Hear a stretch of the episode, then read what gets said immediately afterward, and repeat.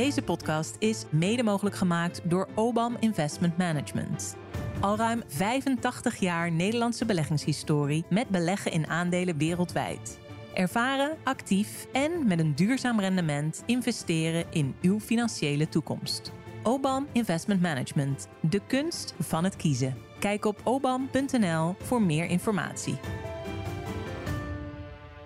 Dat is een soort mandarijn waarbij de schil net zo dik is als het hele vruchtvlees. Ja, Ja. eh, hallo. Die zijn helemaal niet lekker. Nee, dat is helemaal niet lekker. Precies. Dus geef mensen gewoon een, eh, een mooi contract en eh, blaf ze niet af. Nou, we hebben het even zo even opgelost zo in het paasweekend. Dit is Kwestie van Centen, een podcast van de Financiële Telegraaf met Martin Visser en Willemijn van Bentum. Zo. Goedemiddag, Hoi. Martin. We zijn al bijna aan het eind van de werkweek, hè? Ja. Nog één dagje. Of heb jij vrij morgen? Nee, nee, nee, zeker niet. Nee, nee.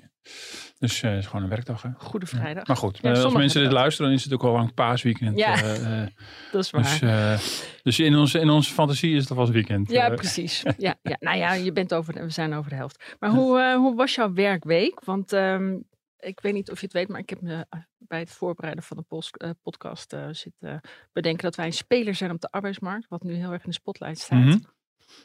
Maar voel jij dat ook zo? Nee, eigenlijk helemaal niet. Nee, jij? Nou ja, Ik bedoel, dat is wel een beetje gewoon een eh, vaste baan, een vaste dienst. al heel ja, lang jij. Ja, toch? al eh, best wel lang eh, bij Telegraaf, dit jaar tien jaar. En daarvoor heb ik ook heel lang in vaste dienst gezeten bij, bij Financieel Dagblad. En ja, daar ben ik er eigenlijk helemaal niet op die manier mee bezig. Jij wel dan? Nee. Nee, maar ik had laatst met mijn vader was ik even mee bezig. Want die had heel lang, die heeft zijn hele leven bij Philips gewerkt. En die heeft eh 30 jaar, zeg maar, dat was toen nog normaal. En die heeft langer pensioen gehad, bijvoorbeeld, dan eh, dat hij er heeft gewerkt. Dus het was... eh, Ja. Nee, zeker. Dat heb je ook heel veel ouderen nu die inderdaad in, in verhouding natuurlijk heel lang met pensioen zijn. Maar Ja. goed, kijk uit waar we het over beginnen. Maar dan komen we op, bij, bij heilige huisjes terecht. Ja, Daar hebben mensen allemaal voor gespaard. Daar hebben ze allemaal, eh, allemaal, eh, allemaal recht op. Ja. Eh, maar goed, dat, en, en nu op de arbeidsmarkt is dat inderdaad lang niet voor iedereen natuurlijk zo. Nee. Die zekerheid is er lang niet voor iedereen. En nou ja, de, de, de, de, de, de, de onbezorgdheid van zo'n vast contract, die is ook niet iedereen gegeven. Ehm, maar ja, juist als je die dus hebt, ben je daar ook dus niet zo mee bezig, eh, merk ik eh, aan mezelf. Nee, Ehm, maar goed, daar gaan we het nu over hebben vandaag. eh, Ja. over alle mensen die of allerlei tijdelijke contracten aan elkaar moeten rijgen. Of ZZP-schap, al dan niet vrijwillig. Eh, die een hele andere positie op de arbeidsmarkt hebben. Die misschien Ja. daar wel voortdurend mee bezig zijn. want eh Karin van Gennep heeft een brief geschreven hè, van 31 kantjes. Ja. En eh, ik schrijf je een lange brief, want ik had geen tijd voor een korte. Dat Ja. zei een Franse filosoof, Blaise in de 17e eeuw. Maar dat is haar niet helemaal gelukt. Nee, Ehm, je hebt hem gelezen ook. En in de begeleidende memo schreef zij: Het gaat pas goed met Nederland. Daarom vroeg ik het net aan jou. als het goed gaat met iedereen. Oh ja. Dus, eh, Ja, maar gaat het Ja. goed met Nederland? ja. Nou ja, op dit vlak dus eh, in die zin niet, eh, denk ik. Ehm, ehm, en het is een probleem, de, vraag, maar goed, daar gaan we straks wat uitgebreider over hebben. Ehm, het- we hoeven ook niet alles te problematiseren. Er zijn natuurlijk heel veel mensen die met heel veel plezier ZZP'er zijn. Ja. die het gevoel hebben dat ze, dat ze vrijheid hebben. Dat ze kunnen zelf hun tarief kunnen bepalen, werktijden kunnen bepalen. Daar heel gelukkig van zijn. Er zijn maar ja, als je gewoon het hele eh, speelveld overziet, de arbeidsmarkt, dan zie je natuurlijk wel dat flexibilisering enorm is opgerukt in de vorm van eh, zowel tijdelijke contracten als ZZP-schap. Ja, waarbij het nu zulke grote vorm heeft aangenomen dat het nog de vraag is of dat wel altijd maatschappelijk wenselijk is. En of iedereen inderdaad daar heel ge- gelukkig van wordt. En ja, dat is een probleem wat al, al een tijd is geconstateerd en waar dan nu eindelijk iets aan gaat gebeuren. Dus waar wij geweldig naar kijken is een gelijker speelveld voor iedereen. De verschillen in bescherming tussen het vaste contract en een zelfstandige zijn nu zo groot dat, dat iemand vanwege alleen al die verschillen in het ene hokje of in het andere hokje wil vallen. Dus een gelijker speelveld. En dat maakt dus dat dan een flexibeler contract minder flexibel wordt. Dat Zeker. kruipt als het ware wat op richting vast. Zeker. Eh, maar aan de andere kant, een vast contract wordt dus ook minder vast. Alles op de schop. Ja, nee, zeker ja. Want eh, je begon ook over die brief van 31 kantjes. Nou, dat is nog niks vergeleken met het rapport. Dit was Hans Borstlap, Ja. oud-topambtenaar, eh, Ja. oud-raad van State ook. Die ehm, begin 2020, dus alweer meer dan drie jaar geleden, met een groot rapport kwam. Wat heel wat meer dan 31 kantjes was. Ja, die, en, en dat rapport van hem, we hebben het in de podcast veel vaker over Borstlap gehad. Maar eh, eh, ja, die wel heel bepalend is geweest voor het denken in de afgelopen jaren over wat moet er nu met de arbeidsmarkt, maar ook het proberen in kaart te brengen wat is eigenlijk nou het probleem. Ja, wat is het probleem? Nou ja, en hij, is, hij, hij was er destijds ook wel eerlijk over dat hij zelf ook een beetje geschrokken was toen hij alle cijfers onder ogen kreeg.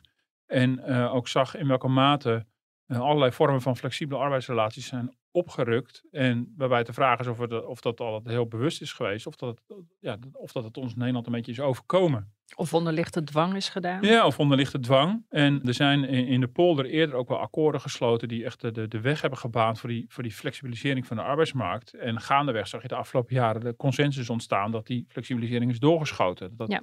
dat veel te ver gaat. En dat er grote groepen mensen zijn die daardoor nauwelijks bescherming hebben, die daardoor um, uh, heel moeilijk een, een, bestaan kunnen opbouwen. Dat klinkt dan heel dramatisch, maar uh, ja, dingen als een eigen huis en dergelijke, een hypotheek, uh, dat je weet waar je aan toe bent, dat je zekerheid hebt, dat je volgende week je baan nog steeds hebt en dus ook een zekerheid van inkomen, dat steeds minder mensen de, die, die zekerheden hebben. Uh, en die staan dan tegenover uh, grote groepen mensen die die zekerheden in ruime mate hebben. Nou, zo begonnen we al een beetje. Als je in een vast contract zit, is het niet meer zo dat je, dat je, dat je nooit meer van je nooit meer ontslagen kan worden. Want ontslagbescherming is ook alweer relatief in Nederland. Maar het is makkelijker geworden, hè? Ja, het is wel makkelijker geworden. Ja. In de loop van de jaren. Maar het is natuurlijk wel zo dat heel veel onze, onze hele sociale zekerheid, ons pensioenstelsel, alles is wel gebouwd rondom dat vaste contract. Uh, dus als je een vast contract hebt, dan, dan zit je in een CAO. In heel veel gevallen, in iets van 75 tot 80 procent van de gevallen. Uh, in een vast contract heb je dus inderdaad uh, allerlei sociale zekerheden. Je hebt een pensioenopbouw.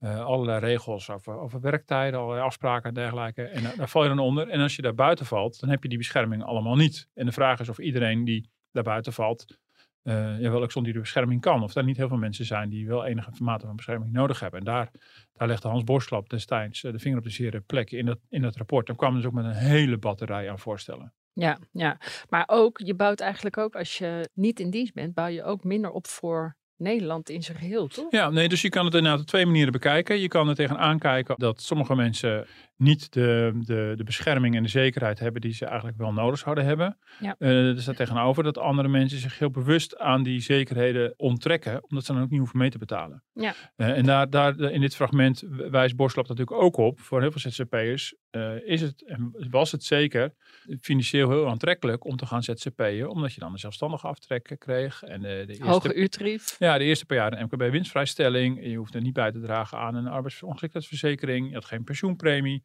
Uh, je kon veel meer zelf je, je tijden bepalen. Dus je had een heel andere positie ten opzichte van je opdrachtgever dan je vroeger tegenover je werkgever had. Inderdaad, als het goed is, een hoger uurtarief. Dus mensen gingen er financieel enorm op vooruit. En dat gevoel, ik krijg en meer poen en ik heb meer vrijheid. Dus uh, hartstikke mooi. Maar dat holt natuurlijk ook uh, gaandeweg al die sociale voorzieningen uit. En ja. dat, is, dat is een maatschappelijk uh, punt. Dus je hebt dat maatschappelijke deel van de mensen die er allemaal uitstappen.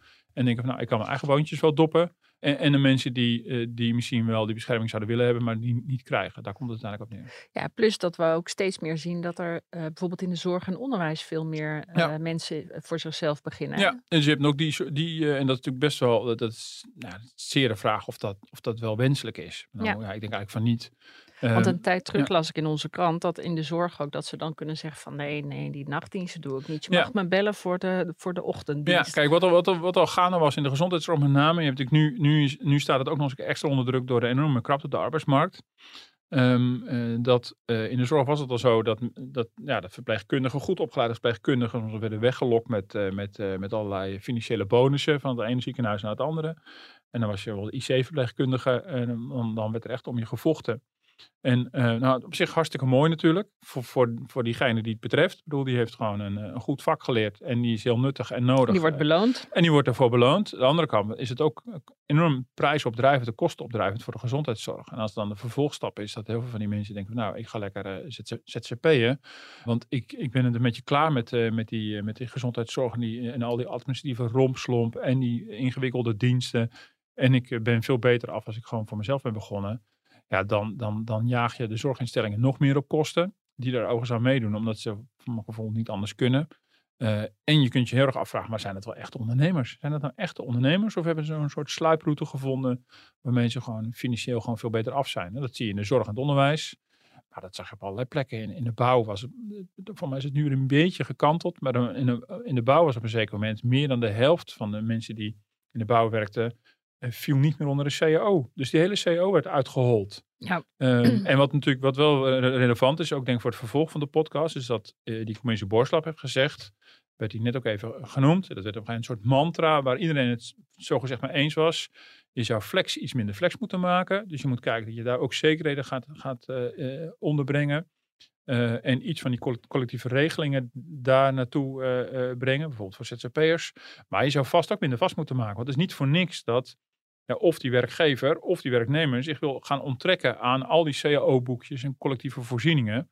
Ehm, die zijn misschien ook te beknellend geworden. En hij heeft daar een hele batterij aan voorstellen gedaan, die ervoor zorgde dat, dat schijnzelfstandigheid werd ehm, bestreden. Maar ook dat er ook in de vaste baan meer flexibiliteit kwam. Bijvoorbeeld een, een behoorlijk vergaand voorstel om uh, werkgevers de ruimte te geven als het tegenzit in het bedrijf. Om tegen mensen te zeggen, ja, ik ga jouw contractduur bekorten, je arbeidsduur. Dus je werkt er nu 40 uur, vijf dagen in de week. Maar ja, het gaat zo slecht, we maken er drie dagen van. Nou, dat is natuurlijk best wel controversieel.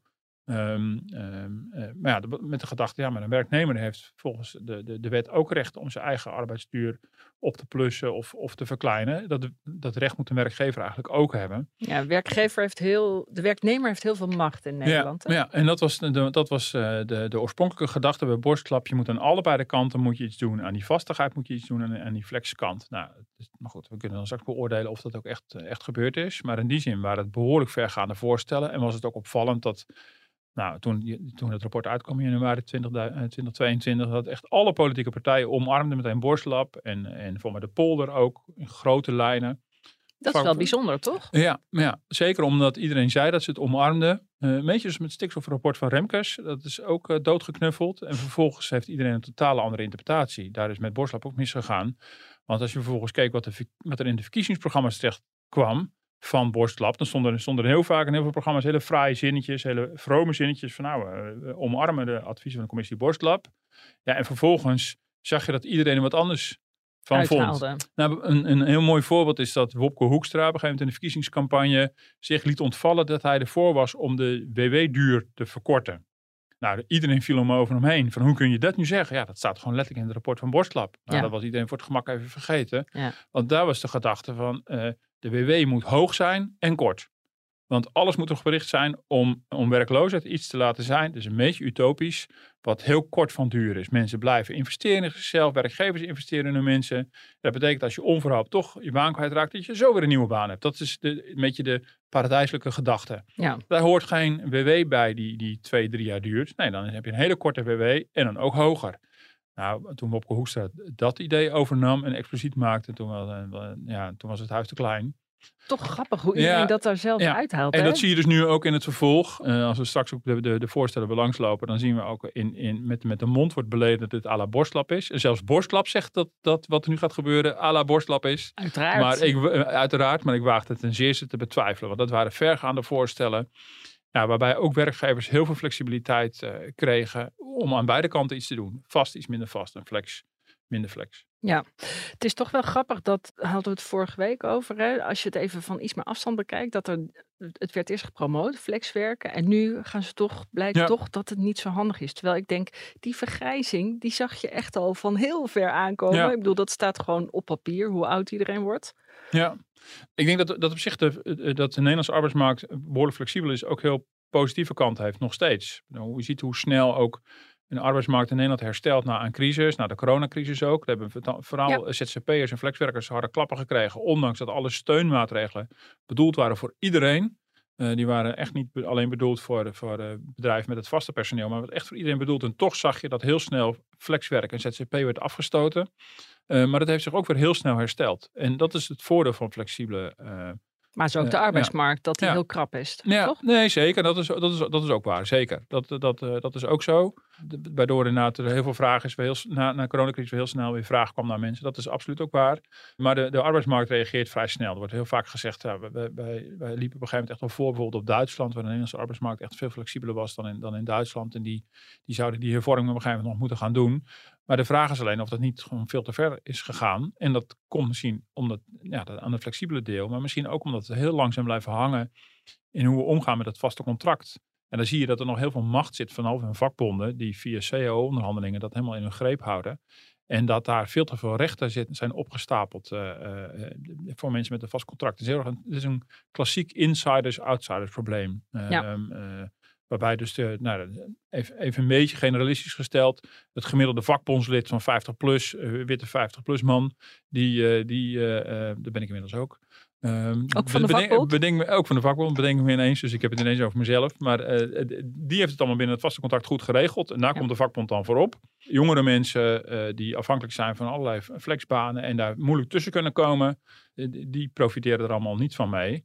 Je ziet wel dat de vakbond in toenemende mate ook is opgekomen voor mensen met flexwerk. Maar dat ja. blijft gewoon heel lastig, want die zijn heel moeilijk te mobiliseren. Dus het is heel moeilijk om, om acties en stakingen te organiseren in sectoren waar die slag van vast naar flex al totaal gemaakt is. Dat is heb ik in het afgelopen jaar heel duidelijk gezien, bijvoorbeeld bij distributiecentra en zo voorbeeld van. Dat is iets waar de vakbonden zich wel heel druk over maken, over de arbeidsrelaties en ja, de arbeidsomstandigheden, maar vooral de arbeidsverhoudingen in distributiecentra. Maar daar, goed, daar gaven FNV-bestuurders soms ook wel aan, van, ja, daar zijn we misschien al bijna te laat. Want, Want die waren ook in. Uh... Er zijn zoveel mensen die met tijdelijke contracten zitten of uitzendcontracten. Ja, die, die kan je bijna niet meer mobiliseren. Dus dat, dan ben je eigenlijk. Je moet, aan, je moet al aan de bak als vakbond voordat die slag heeft plaats, uh, plaatsgevonden. En ik denk dat we in Nederland daar uiteindelijk dat. Ja, zelfs de werkgevers waren het op een zeker moment over eens dat we daar te ver in door zijn geslagen. Ja. Want onder, onder leiding van de huidige VNO-voorzitter is er een nieuwe koers aangenomen en bij VNO-NCW. En, en ja, een paar jaar geleden, en toen werd ook wel, uh, ja, wel hard op geconcludeerd, ook wij vinden inmiddels de flexibilisering te ver doorgeslagen. Want dat, dat, dat werd ook wel van de week wel duidelijk van mij, Karin van dat zei, of, of een van de commentatoren.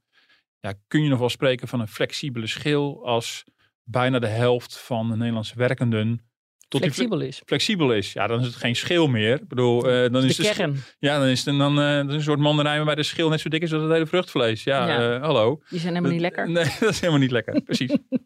nou, we gaan nu eerst luisteren naar uh, Karin van Gennep. Ja, wat je, wat je ziet nu in Nederland is dat 40% van de mensen heeft geen vast contract. En daar zitten goed verdienende ZZP'ers bij, maar er zitten ook mensen zoals in dit filmpje bij... Um, die een nul uren of een oproepcontract hebben... en die dus niet weten wat ze volgende maand verdienen die niet weten wat hun roosters zijn. Dus dan is het heel erg moeilijk om die tweede baan erbij te hebben... of om je zorgtaken te doen of je opleiding. Er zijn ook mensen bij die een jaarcontract hebben... En dan is het toch moeilijk om een hypotheek te krijgen. Om te investeren in je opleiding, in je kinderen. Uh, om een plek te vinden van waaruit je je leven kunt opbouwen. Ja, ja zij vindt de verschillen ook heel groot hè, hm. tussen uh, mensen. Dat sommige mensen die hebben het uh, prima. Die, ja. die kunnen altijd inderdaad een huis kopen of energierekeningen betalen. En anderen die moeten echt keihard werken. En dan ben je flexibel. Ja. Dus ja. dan heb je heel weinig ruimte om, uh, om die te pakken. Ja. Ik weet dat ook wel eens dat ze zeiden, ik was freelance journalist een tijdje, en dan zeiden ze, je moet gewoon je uurtarief hoger maken, want dan kun je je arbeidsongeschiktheidsverzekering afsluiten. Ja. Maar dat kan helemaal niet, want dan vragen ze je niet meer. Nee, dat hangt er heel erg vanaf. En dat hangt ook wel sterk van je sector af waar je zit. Dus dat maakt heel erg uit. In de bouw was het vaak het probleem dat de, de, de arbeidsongeschiktheidsverzekeringen onbetaalbaar waren of knijterduur. Ik denk dat in de bouw, uh, als je daar... Uh, echt een vakkracht bent uh, en die schaars is, dat je best wel flinke tarieven kunt vragen, dat je best goed kan verdienen. Uh, maar daar waren de verzekeringen voor dat soort beroepen veel te, veel te duur. Ja. Uh, dus dat, dat zat klem aan alle kanten. Dus dat ja. is ook een van de voorstellen om tot een arbeidsongeschiktheidsverzekering voor ZZP'ers te komen. Ja, want ja. laten we even kijken wat er allemaal, uh, wat er allemaal in staat. Welke regelingen ja. wil ze? Nou, misschien um, als we het in, in drieën knippen. de ZZP'ers, de flexwerkers en de vaste werknemers. Het zijn nog meer voorstellen dan kantjes. Ik geloof 37 voorstellen op 31 kantjes. Nou, we kunnen onmogelijk alle 37 nee. voorstellen hier bespreken. dat zou kunnen, maar voor me wordt dodelijk saai. Uh, dus misschien tot de highlights te beperken. Ja, bij ZZP'ers, dat is natuurlijk interessant. Dat is een groep van ander, uh, 1 tot 1,5 miljoen mensen. Uh, het is een beetje hoe je, hoe je meet. Ik zie daar wel verschillende uh, schattingen van. maar die orde van grootte is dat. En dat blijft ook groeien. We hadden net over de ZZP'ers in de zorg. Ja, ondernemers zonder personeel. Ja, en dat is electoraal een interessante, interessante groep. Um, zeker bij de ZZP'ers waarvan echt duidelijk is, nou die doen het echt uit eigen vrije wil en die zijn echt ondernemend. Uh, uh, dat is een heel, heel interessante groep. Dus voor de politiek soms ook lastig om, om daar iets tegen te doen. Want als je die deels ook wil brengen om die collectiviteit, om die niet uit te hollen, dan krijg je ook uh, heel veel boze ZZP'ers in je mailbox. Maar dan zijn de, grofweg zijn er twee dingen die belangrijk zijn. Eén is dat uh, Karin van Gennep bezig is met een arbeidsongeschiktheidsverzekering. Voor verplicht. De, verplicht voor ZZP'ers. Ja. Maar meteen al een heel cruciaal verschil met Borstlab. En dat is uh, door de polder uh, is dat voor elkaar gekregen. Namelijk dat de commissie Borstlab zei van je moet op een aantal vlakken het onderscheid tussen type werkenden moet je wegpoetsen. Dus stop met de fiscale verschil in fiscale behandeling tussen groepen werkenden, tussen ZZP'ers en vaste werknemers bijvoorbeeld. Maar bij die arbeidsongeschiktheidsverzekering geldt dat ook. Daarvan hebben ze heel principieel gezegd, die zou eigenlijk een arbeidsongeschiktheidsverzekering moeten maken voor alle werkenden. De ZZP'ers zouden dan onder dezelfde via moeten vallen als wij, ja. uh, die in vaste dienst zijn. Maar dat, daar heeft de polder een stokje voor gestoken. Dat wilden ze absoluut niet. Want uh, met name de vakbeweging was heel erg bang uh, dat het een veel minimalere regeling zou worden. Die zijn ontzettend bang dat er een soort, soort lobby achter zit. Werkgevers zagen het misschien nog wel zitten, maar dat er een soort lobby achter zit om uiteindelijk de sociale zekerheid uit te gaan kleden. En dat er voor alle werkenden een, veel, een, een soort basale sociale zekerheid komt. In dit geval de arbeidsongeschiktheidsverzekering. Ja. En dat iedereen maar zelf moet zien of hij er bovenop gaat, privaat gaat bijverzekeren. Dus, dus de, de werkgevers en vakbonden hebben uiteindelijk anderhalf jaar ongeveer na Borstlab hebben ze ook een groot advies uh, gemaakt. Zo gezegd omarmden ook zij weer Borstlab, maar hebben hele cruciale verschillen aangebracht. En dit is er één. Wat dus betekent dat ZZP'ers niet in dezelfde arbeidsongeschiktheidsverzekering gaan komen als de rest van werkend Nederland, maar een aparte polis gaan krijgen. Een aparte polis die, die verplicht is, bazaal inderdaad, op een relatief laag uitkeringsniveau. En uh, ZZP'ers uh, moeten eraan deelnemen. En er komt een regeling om er eventueel uit te stappen, maar dan moet je aan kunnen tonen dat je op de markt een, uh, een polis uh, koopt met een betere dekking. Dus je bent verplicht om tegen een minimumdekking. Uh, en maar ik, hoorde, is... ik hoorde de eerste reacties al, zag ik al langskomen op LinkedIn, dat ja. ze er niet blij mee zijn. Nee, kijk, want dan bedoel, het, het lastige is dat je, je verplicht mensen ergens toe. De vraag is ook wat gaat het kosten? welke dekking krijg ik dan precies? dat is natuurlijk het lastige van die ZZP-groep van 1 tot 1,5 miljoen mensen. Dat is niet één uniforme groep. Daar zijn mensen die zelf iets geregeld hebben en dat ik tevreden over zijn. Er zijn mensen ongetwijfeld die niks geregeld hebben en dat heel bewust hebben gedaan. Dan zit het idee dat ze het helemaal niet nodig hebben. Dus die worden nu in een soort publieke voorziening gedouwd, terwijl ze daar nou juist zich aan hadden willen onttrekken. En ik las dat Van Gennep toen zei, uh, want als je het niet kan betalen vanuit je uurtarief, dan moeten we een vast hoger uurtarief instellen. Dus dan gaat, ja. uh, maar dan gaat de politiek zich echt wel met dingen bemoeien, Zeker. denk ik. Ja, nou, dat, is, dat, dat raakt dan aan het tweede deel, wat we bij ZZP'ers misschien moeten bespreken. Dat is de, de strijd tegen de schijnzelfstandigheid. Ja. En dat onderdeel vind ik nog reuze vaag. Dat, dat, is dat je in dienst bent, maar eigenlijk niet in dienst. Ja, dat je niet in dienst bent, maar eigenlijk wel in dienst. Ja. Ja, ja. Dus van, ja. je kan het alle, allebei de kanten benaderen. ja, ja, ja. Uh, en uh, nou, daar zijn de laatste jaren steeds meer uh, rechtelijke uitspraken over gekomen. Recent nog bij de Hoge Raad over Deliveroo. De vakbond heeft met heel veel succes heeft allerlei nieuwe businessmodellen aangevochten, zoals Temper en dergelijke zaken tegen Uber, Deliveroo, waarbij fietscouriers onverzekerd op de fiets rondreden en die waren zogezegd zelfstandig ondernemer. Ja, dat is de positieve uitleg. Of ze waren slaaf van, van de app. Dat is, dat is de negatieve uitleg. Ja. En de rechter heeft daar op basis van de huidige wetgeving, waar heel veel controverse om is, of de huidige wetgeving naar het ZZP-schap goed afbakend, heeft daar toch uh, vergaande uitspraken over gedaan. Uh, en nu zit Karin van Gennep ook weer op advies van de polder te zoeken van hoe kunnen juridisch nou beter afbakenen wat een ZZP'er is. En een mogelijkheid is daarbij om een soort minimumuurtarief te hanteren. En dan uh, de gedachte is dat mensen die dat niet uh, kunnen een vragen. een minimumloon voor ondernemers. Ja, en mensen die dat niet kunnen vragen, daarvan kun je afvragen of die eigenlijk wel echt ZZP'er zijn. Waardoor als je dat niet kan, kan halen, dan zit je aan de onderkant van de arbeidsmarkt. En op zich vind ik dat helemaal geen gekke gedachte. Uh, overigens heeft Wouter Koolmees, de voorganger van Karin Vergennep, zoiets al geprobeerd. Het was allemaal iets anders geformuleerd, zat het iets anders in elkaar, maar het kwam toch op neer dat je ergens een knip kan leggen op basis van het tarief. Daar, hij is toen helemaal vastgelopen. Zij is daar niet uitgekomen, dus ik ben benieuwd of Karin Vergennep daar dus wel uit gaat komen. Ja. Maar de, het idee is niet heel erg raar, vind ik, dat je begrijpt zegt, ja, maar onder een bepaald tarief, nou ik geloof dat ze nu iets naar 35 euro per uur kijken. Ja, dan, als, als je dat niet per uur kan vragen, ja, dan zit je misschien ook in een categorie mensen die beter ook gewoon in een, in, in een vast contract kunnen zitten. En ook alle bescherming die daarbij hoort dan genieten. Ja, maar dit was bijvoorbeeld een reactie van een fotograaf op LinkedIn. En dat, ja. die is niet zomaar in vaste dienst. Nee, die is niet zomaar in vaste dienst. Maar ja. Uh, dan moet ze een andere baan zoeken. Uh, zou dan het idee nou ja, zijn. Nee, dan zou, ja, dan, nee, dan zou het. Nou ja, dan kun je natuurlijk. Ja. Moet je postbode worden. Ja, dat is wel lastig. Want. Um, Kijk, bij die voorbeelden bij de Deliveroo en dergelijke, dan is het natuurlijk wel, ja, dan is het natuurlijk wel relatief duidelijk van je doet heel veel werk voor één zo'n opdrachtgever, namelijk die Deliveroo app. Ja. Maar een fotograaf doet ook opdrachten voor allerlei, uh, voor allerlei werkgevers. En dan is het natuurlijk niet evident, ja, als, als we dat wettelijk niet meer zien als een ZZP-schap, maar als een dienstverband, ja, bij wie dan? Bedoel, is er dan één dominante opdrachtgever bij wie je dan dienst komt? Dat, dat moet allemaal nog uitgewerkt gaan worden. Ja. Dit onderdeel van het voorstel is nog, dat moet volgens de minister nog ingekleurd worden. Ja, ja, eh, er moet nog wel het. veel ingekleurd worden. Er moet nog vrij ik. veel eh, ingekleurd worden. Ja. Dus eh, de doos met potloden kan ter hand worden genomen. en en dit is wel vrij, vrij schijn- schrijnend, het ZZP-deel. Want sinds staat ik daar dus Erik Wiebes van Financiën, echt al een heel aantal jaar geleden, ligt het totaal op zijn gat. Die kwam toen met de wet DBA. En nou, dat, er was heel veel protest tegen. En dat zou afbakenen wie een ZZP'er is en wie niet. Maar daar was zoveel controverse over. Dat zou zo onduidelijk zijn dat die wet in de ijskast is gezet. En is ook gewoon lange tijd niet of nauwelijks meer gehandhaafd. Dus, dus ja, dat schijnzelfstandigheid heeft totale vrije hand ge- gekregen. En gelukkig hebben we nog een rechter in Nederland die af en toe toch probeert een beetje paal en perk te stellen. Want als we het aan onze bewindslieden overlaten, dan eh, heb je een soort wetteloosheid echt jarenlang. Re- ja, de, de rekenkamer is er ook heel, heel kritisch op geweest dat er een echt de facto eh, een soort van wetteloosheid is geweest rondom het begrip eh, schijnzelfstandigheid. Ja, ja. Maar goed, we nemen al best wel veel tijd voor die ZZP'ers. Ja, beetje mijn precies. hobby ook, eh, moet ik zeggen. maar, ehm, eh, en bij die, de, de, de flexwerkers, Hebben we Eh, de draaideur? ja, daar is, het, daar is het denk ik wel duidelijk en ook, nou, misschien ook wat minder, minder on- controversieel. De nul uur contracten worden eigenlijk gewoon verboden. Toen ik Eh, dat las, moest ik heel erg denken aan. eh, ik kijk af en toe met mijn kinderen eh, tekenfilms. Zag ik Asterix en Obelix. Ja. hoe heet het met, met de Romeinen? Ja, even Ja. side, Ja. sidestep. Maar die zeiden, die hadden slaven, die hadden een flat gebouwd. En toen zeiden die slaven, we gaan in opstand. Het was heel grappig, want het was heel actueel.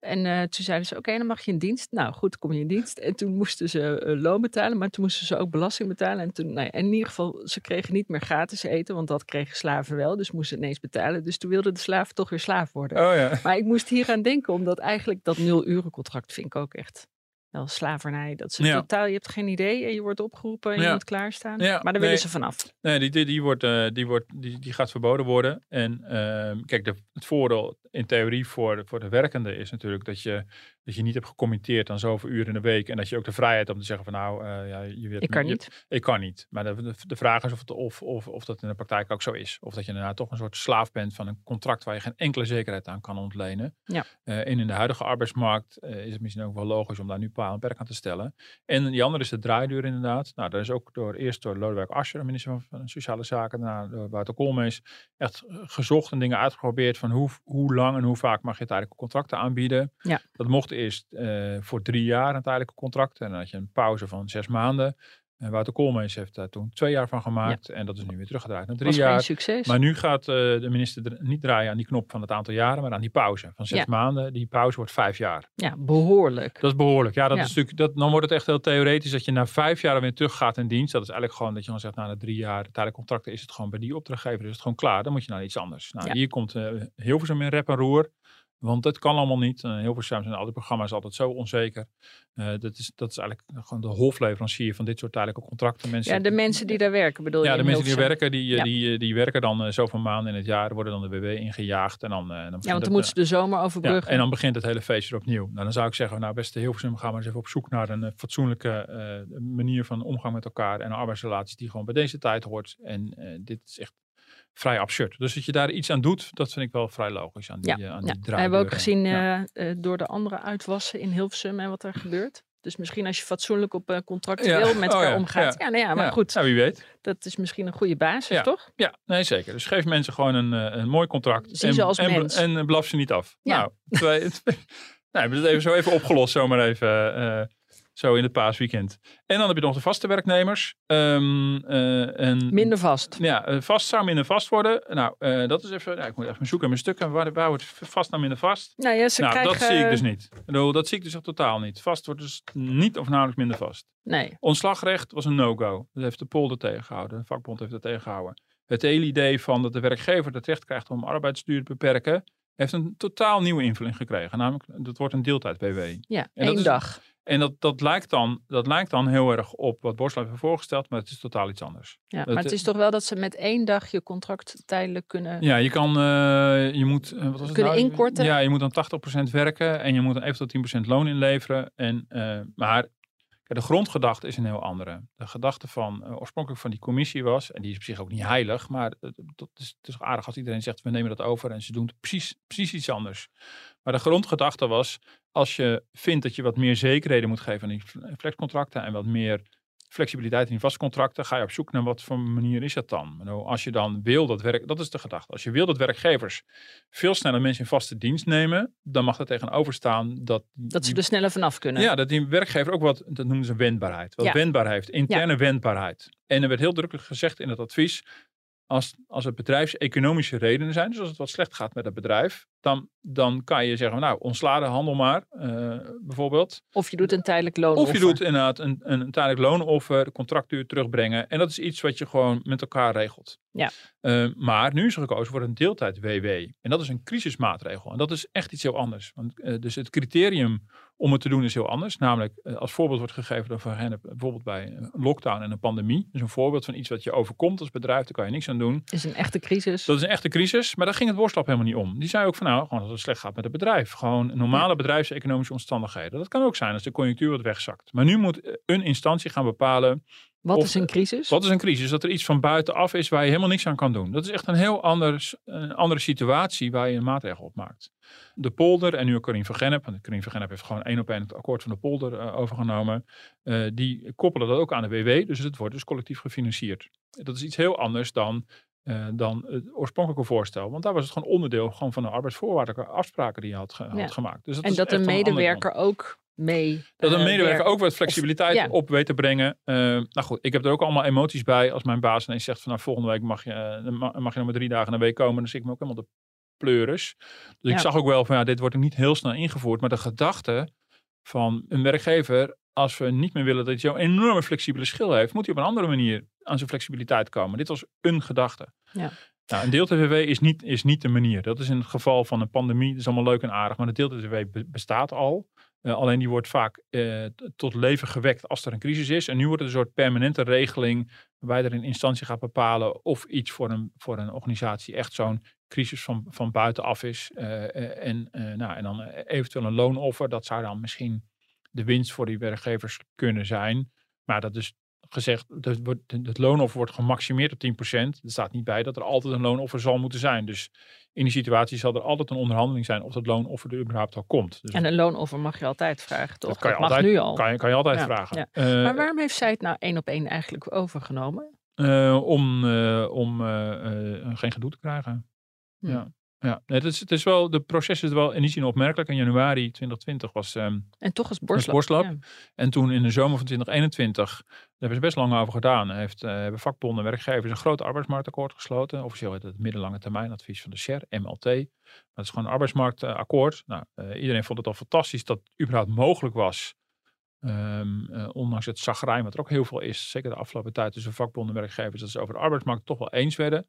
En uh, Karim van Gennep, die, die, eh, ik snap dat de politieke redenen wel, die dacht, ja, maar ik moet dat eigenlijk goed deels overnemen, want anders heb ik gewoon oorlog. Nou, eh, alleen het is wel opvallend dat, ah, dat de werkgevers eigenlijk weinig krijgen. Er is nog één laatste ding wat ik bij die vaste werknemers wil noemen. Dat is ook iets wat de werkgevers dan gekregen hebben. En dat gaat over de loondoorbetaling bij ziekte. Ja. Waarbij Borstlab zei van ja, nu moeten alle ondernemers twee jaar lang hun zieke personeel doorbetalen. Dat moet je terugbrengen naar één jaar. Dat Ja. sluit ook veel meer aan bij andere landen.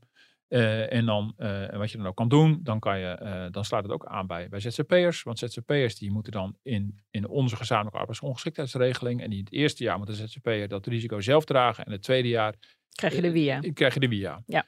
Dus dan heb je een vast personeelslid wordt een jaar lang als hij ziek is doorbetaald. Een En daarna ZZP'er, staat het ja, over. precies. En een, een, een, ZZP'er heeft een jaar lang niks. Dan moet hij zelf voor opdraaien. En dat tweede jaar, dan is het arbeidsongeschiktheid. Ja. Maar hier is nu voor gekozen om de, de loopdoorbetaling bij ziekte op twee jaar te laten. Het enige wat er gebeurt, en MKB vindt dat een fantastische winst, is dat eh, kleine ondernemers, ja, dat kleine ondernemers na één jaar van het UWV te horen krijgen of een ziek personeelslid mogelijk weer terug gaat komen van jouw bedrijf. Of jij nog verantwoordelijkheid hebt voor de reïntegratie van het zieke personeelslid. En als dat niet zo is, moet je hem wel doorbetalen En reïntegreren, zag ik. en reïntegreren. Maar je mag er wel iemand aannemen. Ja. Nou, joepie. Ja, eh, Maar dat mag toch al, dacht ja. ik. ik nou ja, het, ik je, mag altijd iemand aannemen. Alleen, Tijdelijk? Ja, maar als iemand, eh, maar als iemand op een gegeven moment weer herstelt, dan moet, weer, moet je hem ook weer terugnemen, zeg maar. Dus, dus ze hebben iets van die verantwoordelijkheid weggenomen voor, eh, voor mijn bedrijf tot 100 man personeel, als ik het goed zeg. In ieder geval voor de kleine en middelgrote ondernemingen. Maar de loondoorbetaling is verder gewoon precies hetzelfde gebleven. Dus in het hele pakket, nou goed, dit zijn maar een paar voorstellen van de 37, vind ik nauwelijks wat werkgevers hier nou zelf bij gewonnen hebben. Ik zie hier nauwelijks een compromis. Ik heb het gevoel dat dit onder druk is van En werkgevers die helemaal in de ban zijn van een nieuwe koers. eh, heel goed dat ze de flex doorgeslagen vonden. Maar voor mij zijn ze zelf ook een beetje doorgeslagen. Dit staat heel erg in het teken van de huidige krappe arbeidsmarkt. Ja. Ik ben wel benieuwd of dit nou echt wel houdbaar is voor de, voor de langere termijn. En allemaal ingekleurd met hun eigen Ja, potloodjes. maar we, voor mij zitten we nu al bijna aan, aan, eh, aan ons eh, slot. eh, waar we nog eens een fragmentje hebben Ja. om eh, het plan af te serveren. Van, Of, vanuit de polder. Nou, het kabinet ehm, heeft nu uitgewerkt wat wij een anderhalf jaar geleden in de SER, de Sociaal-Economische Raad, als vakbonden en werkgevers met elkaar hadden afgesproken. Mhm. Op basis van het voorwerk van de, van de commissie Borstlab. Het goede nieuws is voor mij ook dat, eh, ja, je zou kunnen zeggen, de polder, hè, de klassieke polder, Ja. die levert.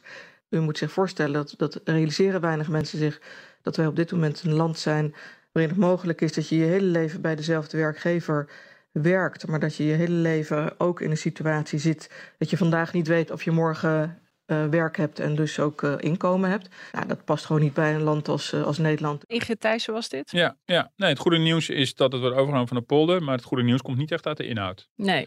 Nee. Nee. Dus Nee, ik, ik, ik vind haar ook zwaar klinken in de zin van niet heel blij. Terwijl Niet zij, heel- zij mag eigenlijk wel blij zijn, toch? Nou ja, kijk, ik bedoel, als ze dan niet tevreden is, dan had ze al eh, in de zomer van 2021 niet tevreden moeten zijn. Want ja, dit is nagenoeg eh, hetzelfde als wat in de SER al besproken is. Dus toen is het allemaal al weggegeven. Hoe zou, hoe zou Ja. jij dit eh, oplossen? Ja, nou ja, ik, ik vond dus, eh, ja, jemig.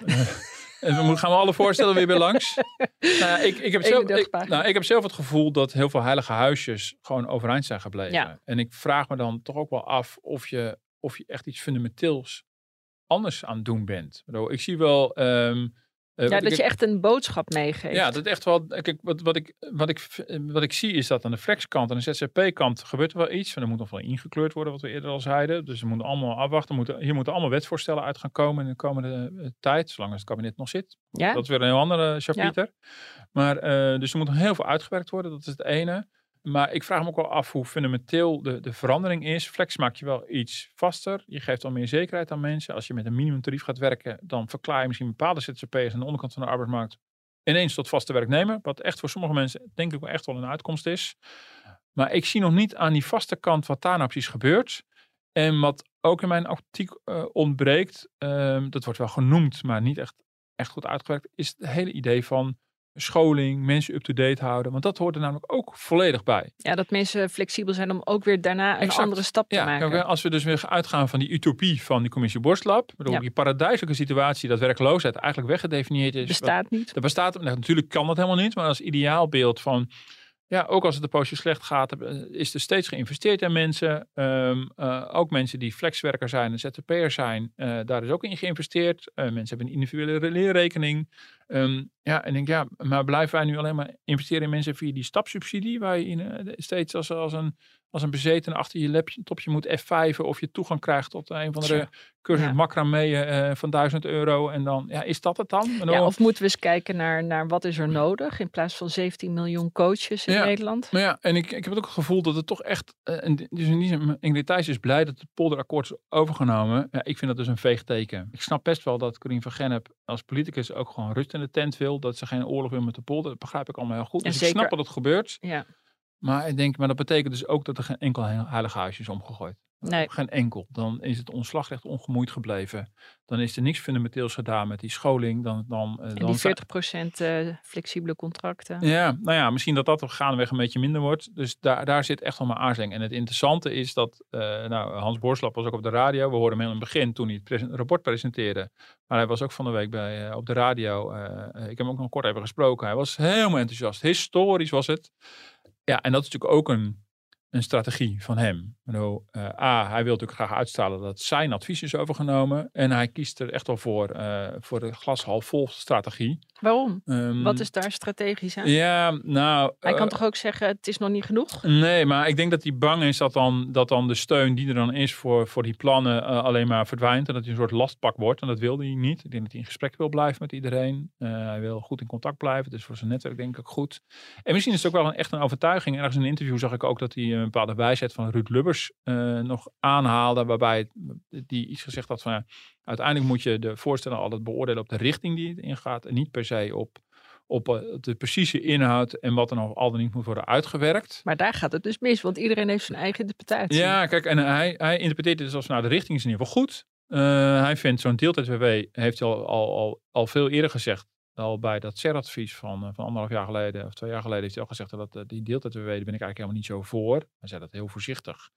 Uh, maar hij is een beetje van de school van, nou ja, daar komen ze dan vanzelf wel achter. Die arbeidsongeschiktheidsverzekering alleen voor ZZP'ers is die ook niet zo voor. Dan denkt ze, nou, weet je, gaandeweg, dan gaat het wel een keer mis. Dan ik dat. En dan is de volgende stap is dan dat het wel op de manier gaat zoals wij dat hebben voorgesteld. Ja, dat, dat gaat wel echt uit van hele lange lijnen. Misschien, misschien krijgt hij gelijk. Maar ik, goed, wij zijn natuurlijk journalisten, we hebben een andere rol. Dus we mogen ja. gewoon dingen wel kritisch beoordelen op wat het is. En hoeven niet in zo'n strategie mee te gaan. Maar je ziet dus um, dat, dat heel veel mensen. Ik heb Evert Verhulp gesproken, die, uh, een jurist die alles weet over de arbeidsmarkt. Dat is ook wel positief. Zat ook in die commissie, dus daarom noem ik hem uh, even. Dat is ook best wel positief. Ja. En als je dan op onderdelen doorvraagt, ja, dan moet, moeten die, dit soort mensen ook wel erkennen van ja, maar dit is niet overgenomen, dat is niet overgenomen. En denk ja, heb je toen wel met die hele commissie wel goed over nagedacht van tevoren. Er zat er geen dommerik in. Dus ik ben, uh, ik, ik, ik ben bang dat we hiermee er nog niet zijn. Nee, en gaat het ook niet meer om toch weer uh, mensen uh, leren waarom ze bepaalde beslissingen moeten maken? Dat ja. je veel meer de achterkant laat zien van wat, wat is nou werkelijk de consequentie van wat je gaat doen. Ja. Van ZZP-schap, van Ja, niet verzekerd werken, van... ja, ja. Nou, ik denk dat, ja, maar ik denk dat dat op zich wel, daarvoor is het wel dat thema natuurlijk de afgelopen jaren wel heel veel onder de aandacht geweest, dat dat wel steeds duidelijker wordt. Al zal dan inderdaad, ja, je haalt natuurlijk zo'n berichten aan van ZZP'ers die over die arbeidsongeschiktheidsverzekering beginnen. Ja, daar zal heel veel verzet tegen zijn uit bepaalde groepen. Ja. Het is wel inderdaad, en dat is misschien wel positief, wel zo dat er gaandeweg wel steeds meer consensus is gekomen over wat we aan die arbeidsmarkt dan eigenlijk niet meer willen. En dat het ook een maatschappelijk probleem is als grote groepen mensen niet of nauwelijks een verzekering hebben. Misschien Ja, want iemand moet het toch betalen. ja, of, of, of er is ook grote zorg over als die hele vloed en ZZP'ers op een gegeven moment eh, eh, gaat stoppen met werken, eh, maar geen pensioen hebben. Alleen maar AOW. eh, en hoe dan? Bedoel, Ja, dat is wie ook, gaat dat betalen? dat is ook een maatschappelijk Ja. probleem. Dan laat je mensen met alleen AOW, of, eh, want nu is het aantal mensen met alleen AOW in Nederland relatief klein. Heel veel mensen hebben een, een, een aanvullend pensioen. Ehm, dus, dus ja, maar goed, of dit echt een oplossing gaat zijn, eh, of dit, ik, ik, ik kan dit nog niet zien als een grote doorbraak. Er gaat heel veel veranderen als het allemaal doorgaat. Als Green Vergen het allemaal nog op tijd voor elkaar krijgt en allemaal wetgeving. Dus er gaat van alles nog wat veranderen. Maar in mijn optiek ehm, ja, is de polder gespaard, staan er te veel heilige huisjes overeind en is het niet fundamenteel anders genoeg. En eh, heeft de werknemer en een flexibele werknemer er nog niet genoeg aan? Nou, ik denk vooral dat heel veel werkgevers er dan Ja. niet genoeg aan hebben. Nee. Dus ik weet, niet, ik weet niet of dit de aantrekkingskracht van het vaste contract groot genoeg maakt. En of, of we niet ook de flexibiliteit die positief is in de arbeidsmarkt, die niet een beetje mee weggooien. En of we mensen wel voldoende steeds eh, voorbereiden en scholen voor veranderingen. Dat iedereen mee kan gaan met zijn tijd. Ik, ik waag te betwijfelen of dat wel gaat gebeuren op deze manier. Ja, ja. Nou, we gaan het zien. Ja, de rondvraag. Tijd voor de rondvraag. Had jij nog wat, eh Willemijn? Nou ja, ik vond het wel grappig, want hij had destijds zijn, eh, daar hadden wij het over, zijn eh borstlab. Die had zijn Ja. rapport betiteld als in wat voor een land wil, willen wij werken? Ja. En toen zei jij meteen, ja, in wat voor land eigenlijk? Terwijl ik dacht, hij, hij bedoelt natuurlijk Nederland. Maar zou jij in een ander land willen werken? ja. Nee, ik vond het een, wonderlijke titel, eh, Ja. eh, eerlijk gezegd. nou ja, hij was dus ook voor meerdere opvattingen Ja, ja, eh, ja. op te pakken. Maar heb jij, zou jij in, in een ander land willen Nou ja, ik denk op zich dat we, en misschien is dat ook wel een grote nuance hoor, dat we in Nederland, dat ook heel veel dingen best wel vrij goed geregeld zijn. over, over het algemeen, denk ik. Ja, ik heb een paar, een paar jaar in, Be- in België gewoond. En Ja. daar, was, eh, daar, ja, daar waren sommige dingen ook wel heel raar. Eh, waarbij je, om een uitkering te krijgen moest je lid worden, lid worden van een vakbond bijvoorbeeld. Nou, dat is ook- ga je helemaal terug naar de 19e eeuw. Of, eh, nee, niet nee, naar de 20e eeuw. Niet overdrijven. Maar bijvoorbeeld kinderopvang was daar heel erg goedkoop. Dat is wel een, En je mag eh, daar zwanger gratis met OV, weet ja. ik. Oh ja, oh ja. Oh, dat weet ik eigenlijk niet meer. Ja, mijn vrouw is daar wel twee keer zwanger geweest. Maar, eh, Nou, dat- gratis in de bus. ja, gratis in de bus. Ik denk wel gro- eh, grofweg dat eh, de verschillende elementen in Nederland op zich niet verkeerd zijn. Kijk, ik zou, ik zou absoluut niet naar een, naar een Amerikaanse-achtige arbeidsmarkt willen of iets Nee. dergelijks. Helemaal niet. Onze Maar- hoofdredacteur die gaat daarheen. Hè? Ja. Ik, ik sprak hem laatst bij de koffieapparaat en toen zei hij eh, met verbazing: Wil jij niet naar een ander land om te werken? Toen zei ik: Nee, ik, eh, Nee, maar goed, de, de, de, een correspondent gaat meestal niet naar, eh, naar bijvoorbeeld Amerika omdat dan de arbeidsmarkt dan anders of beter Nee, is, maar dat omdat het waar. land interessant is. Overigens, eh, eh, als je kijkt naar waar we het nou even kort over hebben gehad, het leven lang leren en mensen blijven opleiden en scholen, ja, zijn er met name in Scandinavië wel, allerlei voorbeelden van hoe dat echt substantieel beter is geregeld. Dus in die zin zijn er wel degelijk ook landen waar we wat van kunnen leren. En Ja. in Nederland botsen toch altijd aan tegen bestaande belangen. Of van de polder, of in dit geval van het onderwijsveld. Dus in die Ja. zin eh, kunnen we wel nog wat leren van, eh, van andere landen. Ja, nou ja, ik heb ooit eh, een belegger die zei, toen vroeg ik wat is nou de beste belegging? Die zei heel profetisch, of nou ja, heel, eigenlijk heel simpel. Eh beleggingen in jezelf is altijd het beste. Dus zorg dat je altijd bent opgeleid en een vak kent. Ja, maar ja, het is eh, Ja. eigenlijk wel zo. Ja, ja, ja. nee, zeker. En Ja, en eh, nee, ik, ik zat nog even. Ik heb iets van heel andere aard. Niet echt nieuws of zo, maar eh, ik eh, zat vanmorgen op de heenweg hier naartoe eh, in de auto keihard de Johannespersoon te draaien. Want het is Oh, weer Pasen. En ja. dat zijn die weinige momenten in het jaar eh, eh, en dat je die paasmuziek weer van stal eh, kan halen. Daar ga ik morgen heen. Oh ja, dat is eigenlijk Goede Vrijdagmuziek. Ja. En, eh, eh, ja, dat vind ik toch wel echt wel eh, heel erg mooi. Dus iets waar ik samen met mijn moeder veel naar luisteren. Dus eh, dat, dat, dat doet me altijd wel wat. En ga je naar een concert morgen? Nee, nee, helemaal niet. Nee, ehm, ehm, eh, nee, nee. Dus ik heb ineens bedacht van, oh ja, dat moet ik eigenlijk weer doen. Vroeger met mijn moeder ging ik regelmatig naar, of regelmatig, ik ben een aantal keer geweest naar de Johannespersoon, ook omdat die wat korter is. En zij, nou goed, heb ik dan van haar overgenomen en zei van, ja, maar Johannes was eigenlijk veel mooier dan Matthäus. Nou, als kind neem je dat dan meteen van je moeder aan, van nou, dat is dan zo. En eh denk van, oh ja, dat zou ik eigenlijk ook moeten doen. En misschien, nou, ik denk mijn oudste dochter nog iets te jong is om er meteen naar mee naartoe te slepen. Maar eh, misschien moet ik dit traditie weer eens eh, gaan oppakken. Ja, ik ga voor, morgen voor het eerst. ja, My first. Heel, heel mooi. Dus eh, indrukwekkende muziek. En eh, nou, ik vind het ook wel mooi dat het dan bij een bepaalde tijd in het Ja. jaar zo past. Toch tradities zijn ook Zeker. altijd eh, Ja. bijzonder. Ja, zeker. Dus, dus ja, met, eh, ja, dus met die stichtelijke muziek ga ik het paasweekend in. Ja, en dan nog eieren beschilderen of is, zijn die te duur? nee, die nou, beschilderen hebben we nog niet gedaan. Maar we zullen vast wel een paar eieren eten van het Ah, weekend. Ja, nou, Ja. hartstikke goed. Heel erg bedankt. ja hij zit er weer op. Fijn weekend Ja. met de paas. Ja, en ook voor de, voor de luisteraars, eh, dank voor het luisteren. En eh, tot volgende Tot week. volgende week.